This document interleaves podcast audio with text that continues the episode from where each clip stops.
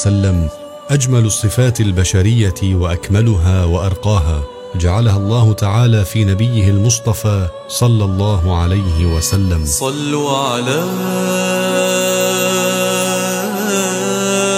من قد سما. شمائل النبي صلى الله عليه وسلم دعوة كريمة للتعرف بالتفصيل على شمائل واوصاف واخلاق وأحوال النبي الأكرم صلى الله عليه وسلم. الحمد لله رب العالمين أحمده سبحانه وأصلي وأسلم على سيدي رسول الله محمد وعلى آله وصحبه الطيبين الطاهرين. الله أسأل أن يوفقنا لما يحبه ويرضاه وأن يجعل نياتنا خالصة لوجهه.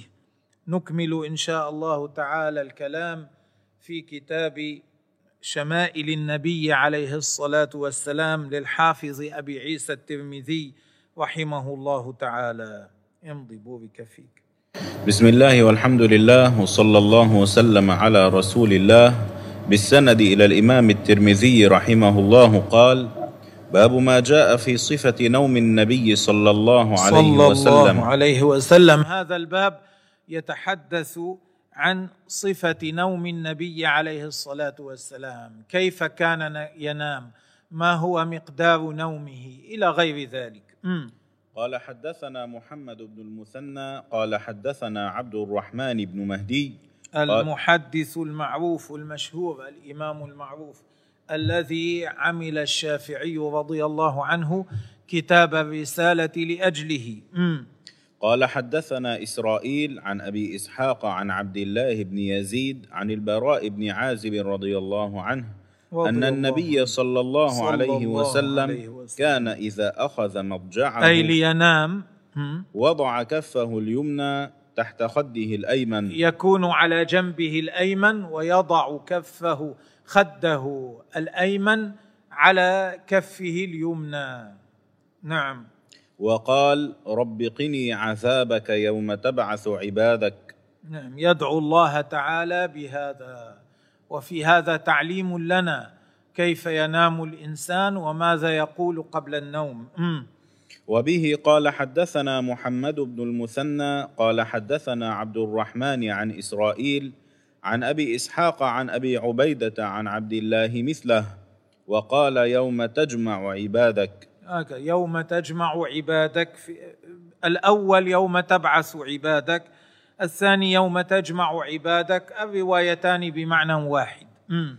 وبه قال حدثنا محمود بن غيلان قال حدثنا عبد الرزاق قال حدثنا سفيان عن عبد الملك بن عمير عن ربعي بن حراش عن حذيفة أنه قال كان النبي صلى الله عليه صلى الله وسلم عليه إذا أوى وسلم. إلى فراشه قال اللهم باسمك أموت وأحيا اللهم باسمك أي مع ذكري لاسمك واعتقادي تعظيمك وتفردك بالألوهية أنام أموت المراد به هنا أنام وأحيا أستيقظ من النوم.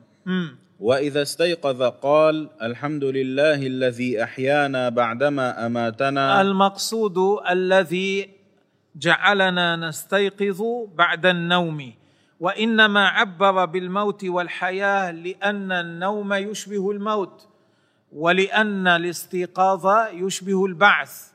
فعبر بهذا وفيه تذكير للإنسان بالموت وتذكير له بالبعث بعد الموت.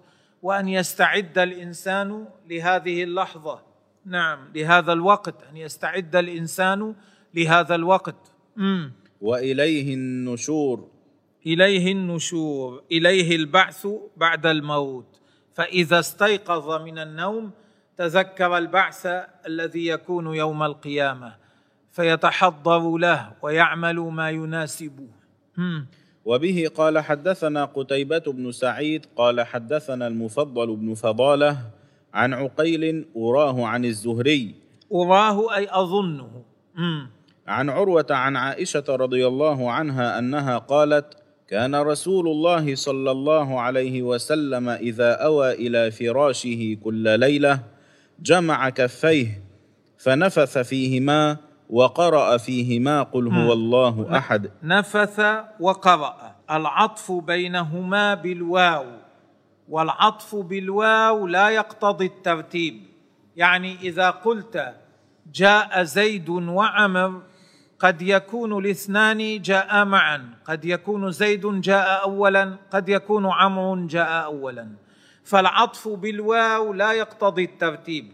ليس كما في قولك جاء زيد ثم عمر. فإن هنا ثم فإن ثم تقتضي الترتيب أن مجيء زيد قبل عمر. أما العطف بالواو لا يقتضي الترتيب. فيكون المعنى أن النبي عليه الصلاة والسلام إذا أوى إلى فراشه لينام جمع كفيه وضع الكف ألصق كفه بالأخرى وقرأ فيهما ما سيأتي ذكره ثم بعد ذلك نفث. نفث أي أخرج الهواء من غير أن يكون معه ريق. نفث في كفيه. وذلك حتى يمر الهواء على المكان الذي قرئ به القرآن فيكون فيه بركة تأتي إلى كفيه. لأجل هذا كان يفعل النبي عليه الصلاة والسلام هذا. وهذا يدلك على أنه على أنه لا بأس شيء حسن بأن يحل ما كتب من القرآن في الماء حتى ينال الماء بركة القرآن كما ينال الهواء بركة تلاوة القرآن باللسان وبالفم. نعم. وقرأ فيهما قل هو الله أحد وقل أعوذ برب الفلق وقل أعوذ برب الناس. ثم مسح بهما ما استطاع من جسده. يب... هذا هذا كان يفعله عليه الصلاة والسلام ثلاث مرات. يجمع كفيه يقرأ ثم ينفث ثم بعد ذلك يمسح وجهه ويمسح من جسده ثم مرة ثانية يقرأ وينفث ويمسح ثم مرة ثالثة يقرأ وينفث ويمسح. كان يفعل ذلك ثلاث مرات إذا أراد أن ينام. نعم. يبدأ بهما رأسه ووجهه وما أقبل من جسده. يمسح على رأسه ووجهه وجسده من قدام. نعم. يصنع ذلك ثلاث مرات. يصنع ذلك ثلاث مرات يعني إلصاق جمع كفيه والقراءة والنفس والمسح. يفعل كل ذلك مرة ثم مرة ثم مرة. ثلاث مرات. مم. وبه قال حدثنا محمد بن بشار يقرأ الإخلاص والفلق والناس. نعم امضي. وبه قال حدثنا محمد بن بشار قال حدثنا عبد الرحمن بن مهدي قال حدثنا سفيان عن سلمة بن كهيل عن كريب عن ابن عباس رضي الله عنهما أن رسول الله صلى الله عليه وسلم نام حتى نفخ. حتى نفخ يعني تنفس بحيث يسمع منه صوت خروج النفس من الفم. هذا معنى حتى نفخ وليس معناه الشخير. لا إنما هذا خروج النفس من الفم يسمع صوته. وهذا عادة يكون إذا استغرق الإنسان في النوم. م.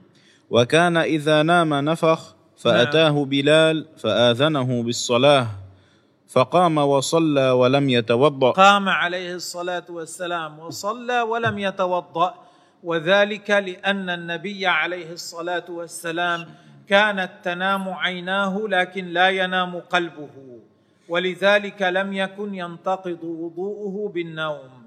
يعني ما كان يظن خروج ريح منه أو نحو ذلك إذا نام. ليس كباقي البشر عليه الصلاة والسلام. ولذلك قام فصلى ولم يتوضأ. وفي الحديث قصة. نعم. وبه قصة تتعلق بمبيت عبد الله بن عباس عند النبي عليه الصلاة والسلام في حجرة خالته آه، حتى يرى ماذا يفعل النبي صلى الله عليه وسلم؟ سيأتي إن شاء الله. نعم. وبه قال حدثنا إسحاق بن منصور قال أخبرنا عفان قال حدثنا حماد بن سلمة عن ثابت عن أنس بن مالك رضي الله عنه. أن رسول الله صلى الله عليه وسلم كان إذا أوى إلى فراشه قال الحمد لله الذي أطعمنا وسقانا وكفانا كفانا وآوانا. دفع عنا شر خلقه. هذا معنى كفانا. حمانا دفع عنا شر خلقه. وآوانا. وآوانا يعني يسر لنا المسكن الذي نأوي إليه. مم. فكم ممن لا كافي له ولا كثير مؤوي من خلق الله لا يكفون شر الأشرار. كم ممن لا كافي له ولا مؤوي ولا يجدون مأوى يأوون إليه. يعرف الإنسان هذا فيعرف مقدار فضل الله تبارك وتعالى عليه. أن لم يجعله الله عز وجل مثل من لا مسكن له ومثل من لا يدفع الشر عنه. نعم. وبه قال حدثنا الحسين بن محمد الجريري قال حدثنا سليمان بن حرب قال حدثنا حماد بن سلمة عن حميد عن بكر بن عبد الله المزني عن عبد الله بن رباح عن أبي قتادة أن النبي صلى الله عليه صلى وسلم الله عليه وسلم. كان إذا عرس بليل يعني إذا نزل ليستريح في الليل إذا كان في السفر فوقف ليستريح يقال عرس إذا عرس بليل أي وقف ليستريح في الليل نعم. اضطجع على شقه الأيمن. كما هي عادته عليه الصلاة والسلام عند النوم. مم. وإذا عرس قبيل الصبح نصب. أما إذا كان تعريسه وقف ليرتاح قبل الصبح بوقت غير طويل. نصب ذراعه ووضع رأسه. نصب ذراعه ووضع رأسه على كفه. منصوبة.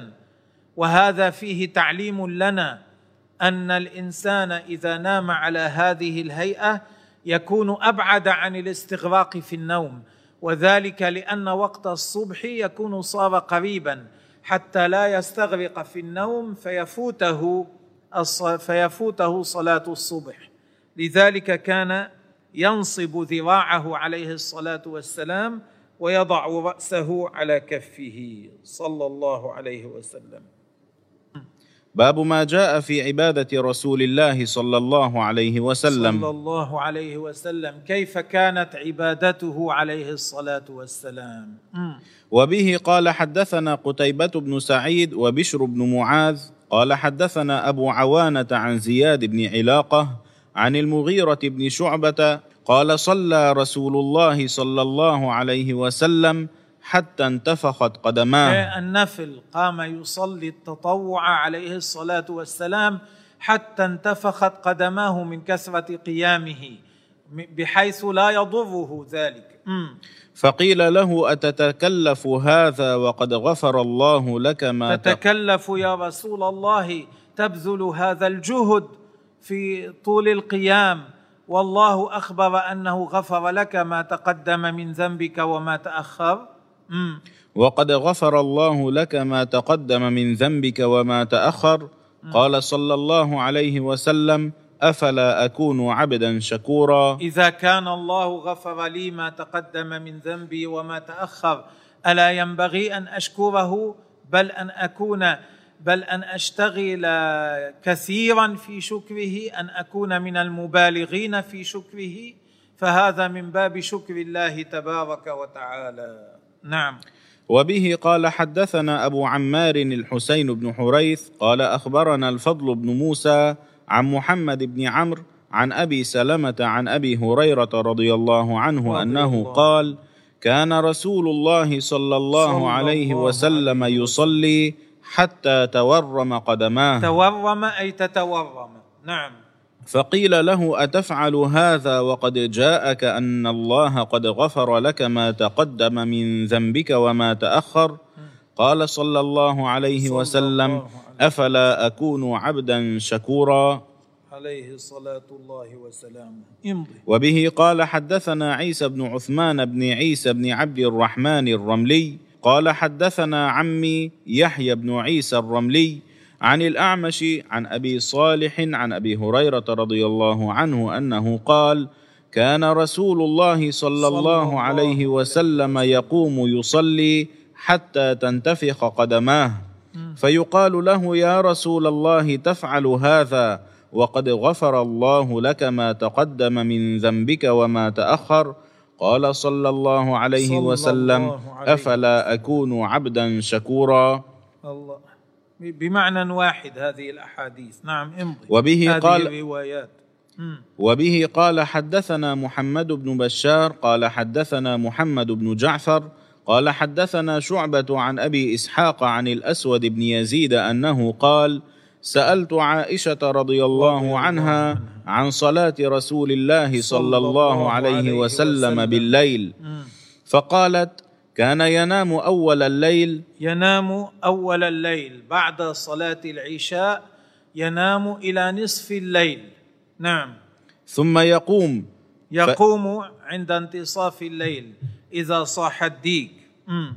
فإذا كان من السحر أوتر. يقوم أي ثلث الليل يعني ينام أولا نصف الليل ثلاث أسداسه ثم يقوم ثلثه السدس الرابع والخامس. ثم بعد ذلك؟ ثم أتى فراشه فإن كانت له ثم حاجة. بعد ذلك أوتر ثم يأتي إلى فراشه. نعم. ثم أتى فراشه فإن كانت له حاجة ألم بأهله. إذا أراد جماع أهله فعل ذلك. ولاحظ كيف أن النبي عليه الصلاة والسلام كان يؤخر الجماع إلى آخر الليل إلى ما بعد قيام الليل حتى لا يثبطه ذلك عن قيام الليل وحتى لا يؤخره ذلك عن قيام الليل. نعم تعليما لنا. مم. فإذا سمع الأذان وثب. قام بهمة وقوة وثب. نعم. فإن كان- بنهضة. قام قام من النوم. مم. فإن كان جنبا أفاض عليه من الماء. إذا كان جنوبا اغتسل. نعم. وإلا توضأ وخرج إلى الصلاة. هكذا كانت كثير من لياليه عليه الصلاة والسلام. ينام نصف الليل ثم يقوم ثلثه بالصلاة ثم ينام سدسه إلى أن يؤذن المؤذن بصلاة الف- الصبح.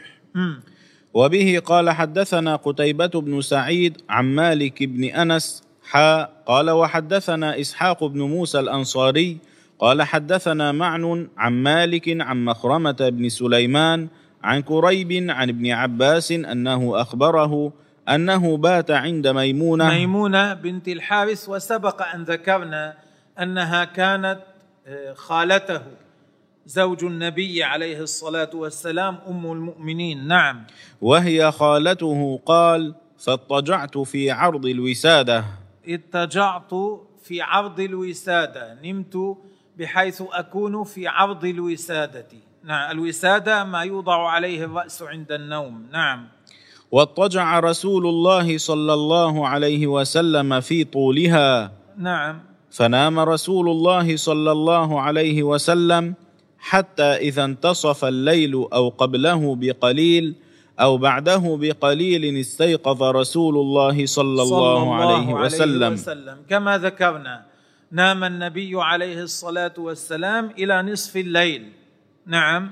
فجعل يمسح النوم عن وجهه. أثر النوم. يمسح النوم أي أثر النوم عن وجهه. هذا فيه حذف المضاف. نعم. ثم قرأ العشر الآيات الخواتم من سورة آل عمران. يعني من قول الله تعالى الذين يذكرون الله قياما وقعودا وعلى جنوبهم إلى آخره. نعم. ثم قام إلى شن معلق. إلى شن القربة آه، إذا كانت بالية قديمة يقال لها شن. مم. فتوضأ إلى شن منها معلق. لتبريد الماء كانوا يعلقونه وحفظه. ثم قام إلى شن معلق فتوضأ منها فأحسن وضوءه. نعم. ثم قام يصلي. قال عبد الله بن عباس فقمت إلى جنبه. أي عبد الله بن عباس بات عند ميمونة خالته لما كان دور رسول الله عليه الصلاة والسلام في المبيت عندها حتى يرى ماذا يفعل النبي عليه الصلاة والسلام في الليل ليتعلم. لما قام النبي عليه الصلاة والسلام يصلي قام عبد الله بن عباس ففعل مثله توضأ ثم قام بجانبه. إيه، قام إلى يساره بجانبه من جهة يساره. فوضع رسول الله صلى الله عليه وسلم يده اليمنى على راسي ثم أخذ بأذن اليمنى ففتلها. إيه، جعل النبي عليه الصلاه أزاحه جعله عن يمينه. وإنما فتل أذنه لتنبيهه أنه خالف السنة بقيامه عن اليسار. مم. فصلى ركعتين ثم ركعتين ثم ركعتين ثم ركعتين ثم ركعتين ثم ركعتين. قال معن ست مرات. إيه، ست مرات. يعني ركعتين ثم ركعتين ثم ركعتين ثم ركعتين ثم ركعتين ثم ركعتين. ست مرات كرر ركعتين. نعم. ثم أوتر. بعد ذلك صلى الوتر. ثم اضطجع حتى جاءه المؤذن. فقام وفي بعض الروايات فتتامت عند الشيخين فتتامت صلاته ثلاث عشرة ركعة. إذا كان ركعتين ركعتين ركعتين ست مرات يكون المجموع كم؟ اثنتي عشرة ركعة. إذا حتى تتم ثلاث عشرة معناه أوتر بركعة. إذا يجوز أن يكون الوتر ركعة واحدة ولا يشترط أن يكون ثلاث ركعات. نعم. ثم اضطجع حتى جاءه المؤذن فقام اضطجع بعد ذلك في السدس الأخير من الليل?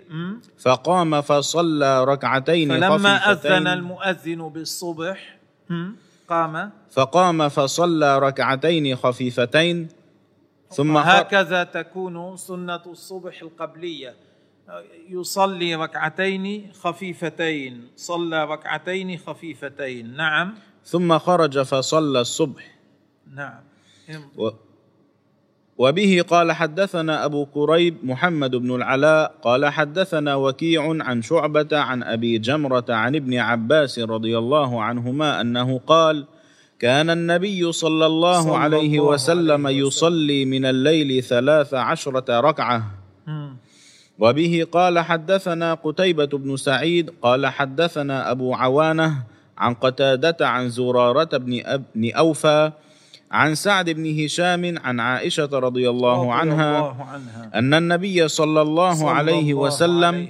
كان إذا لم يصلي بالليل. منعه من ذلك النوم أو غلبته عيناه لعذر إما منعه إما غلبه النوم أو غلبته عيناه الله تبارك وتعالى جعل النبي عليه الصلاة والسلام يحصل منه ذلك حتى يبين لنا ماذا نفعل إذا حصل منا مثل ذلك.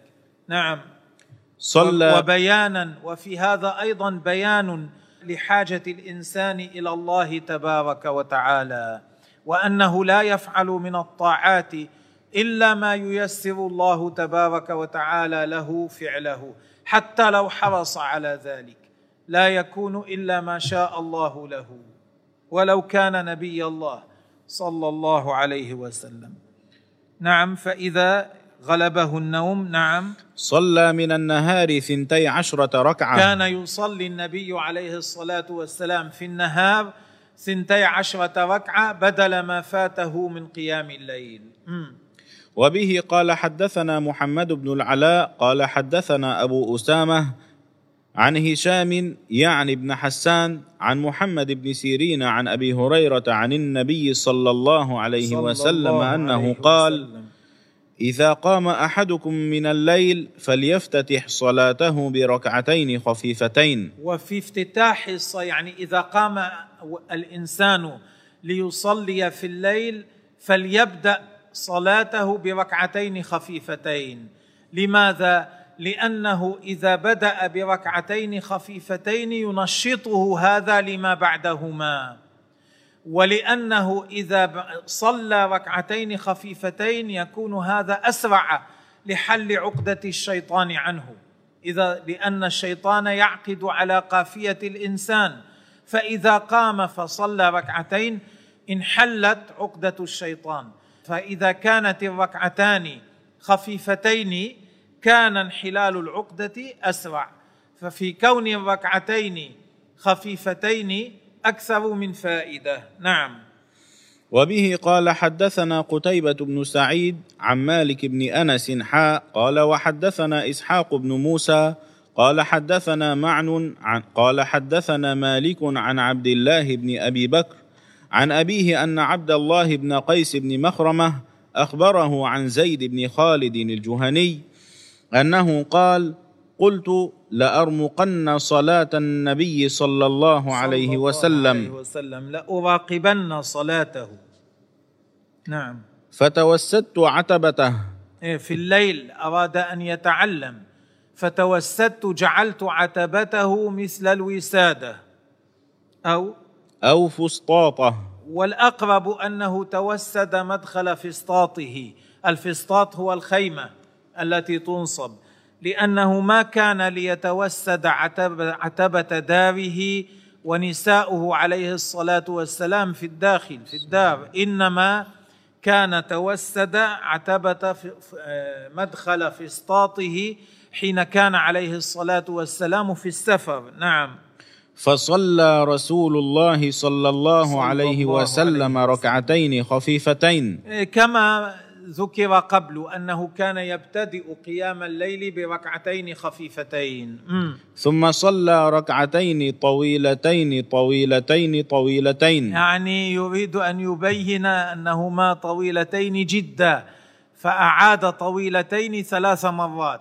مم. ثم صلى ركعتين وهما دون اللتين قبلهما. أقل طولا من اللتين قبلهما. نعم. ثم صلى ركعتين وهما دون اللتين قبلهما. أقل طولا من اللتين قبلهما. ثم صلى ركعتين وهما دون اللتين قبلهما. كذلك أقل. ثم صلى ركعتين وهما دون اللتين قبلهما. فإذا أولا صلى ركعتين خفيفتين ثم صلى ركعتين طول به فيهما كثيرا ثم صلى بعد ذلك ركعتين أقصر منهما ثم ركعتين أقصر من اللتين قبلهما ثم ركعتين أقصر من اللتين قبلهما ثم ركعتين أقصر من اللتين قبلهما ثم ركعتين أقصر من الأقصر من اللتين قبلهما حتى صلى اثنتي عشرة ركعة. نعم. ثم أوتر. ثم أوتر. فذلك ثلاث عشرة ركعة. هكذا. فيكون المجموع ثلاث عشرة ركعة. و- و- ونكتفي بهذا الآن ثم نكمل إن شاء الله تعالى أحاديث الباب بعد هذا. والله تبارك وتعالى أعلم. شمائل النبي صلى الله عليه وسلم أجمل الصفات البشرية وأكملها وأرقاها. جعلها الله تعالى في نبيه المصطفى صلى الله عليه وسلم. صلوا على من قد سما. شمائل النبي صلى الله عليه وسلم دعوة كريمة للتعرف بالتفصيل على شمائل وأوصاف وأخلاق وأحوال النبي الأكرم صلى الله عليه وسلم.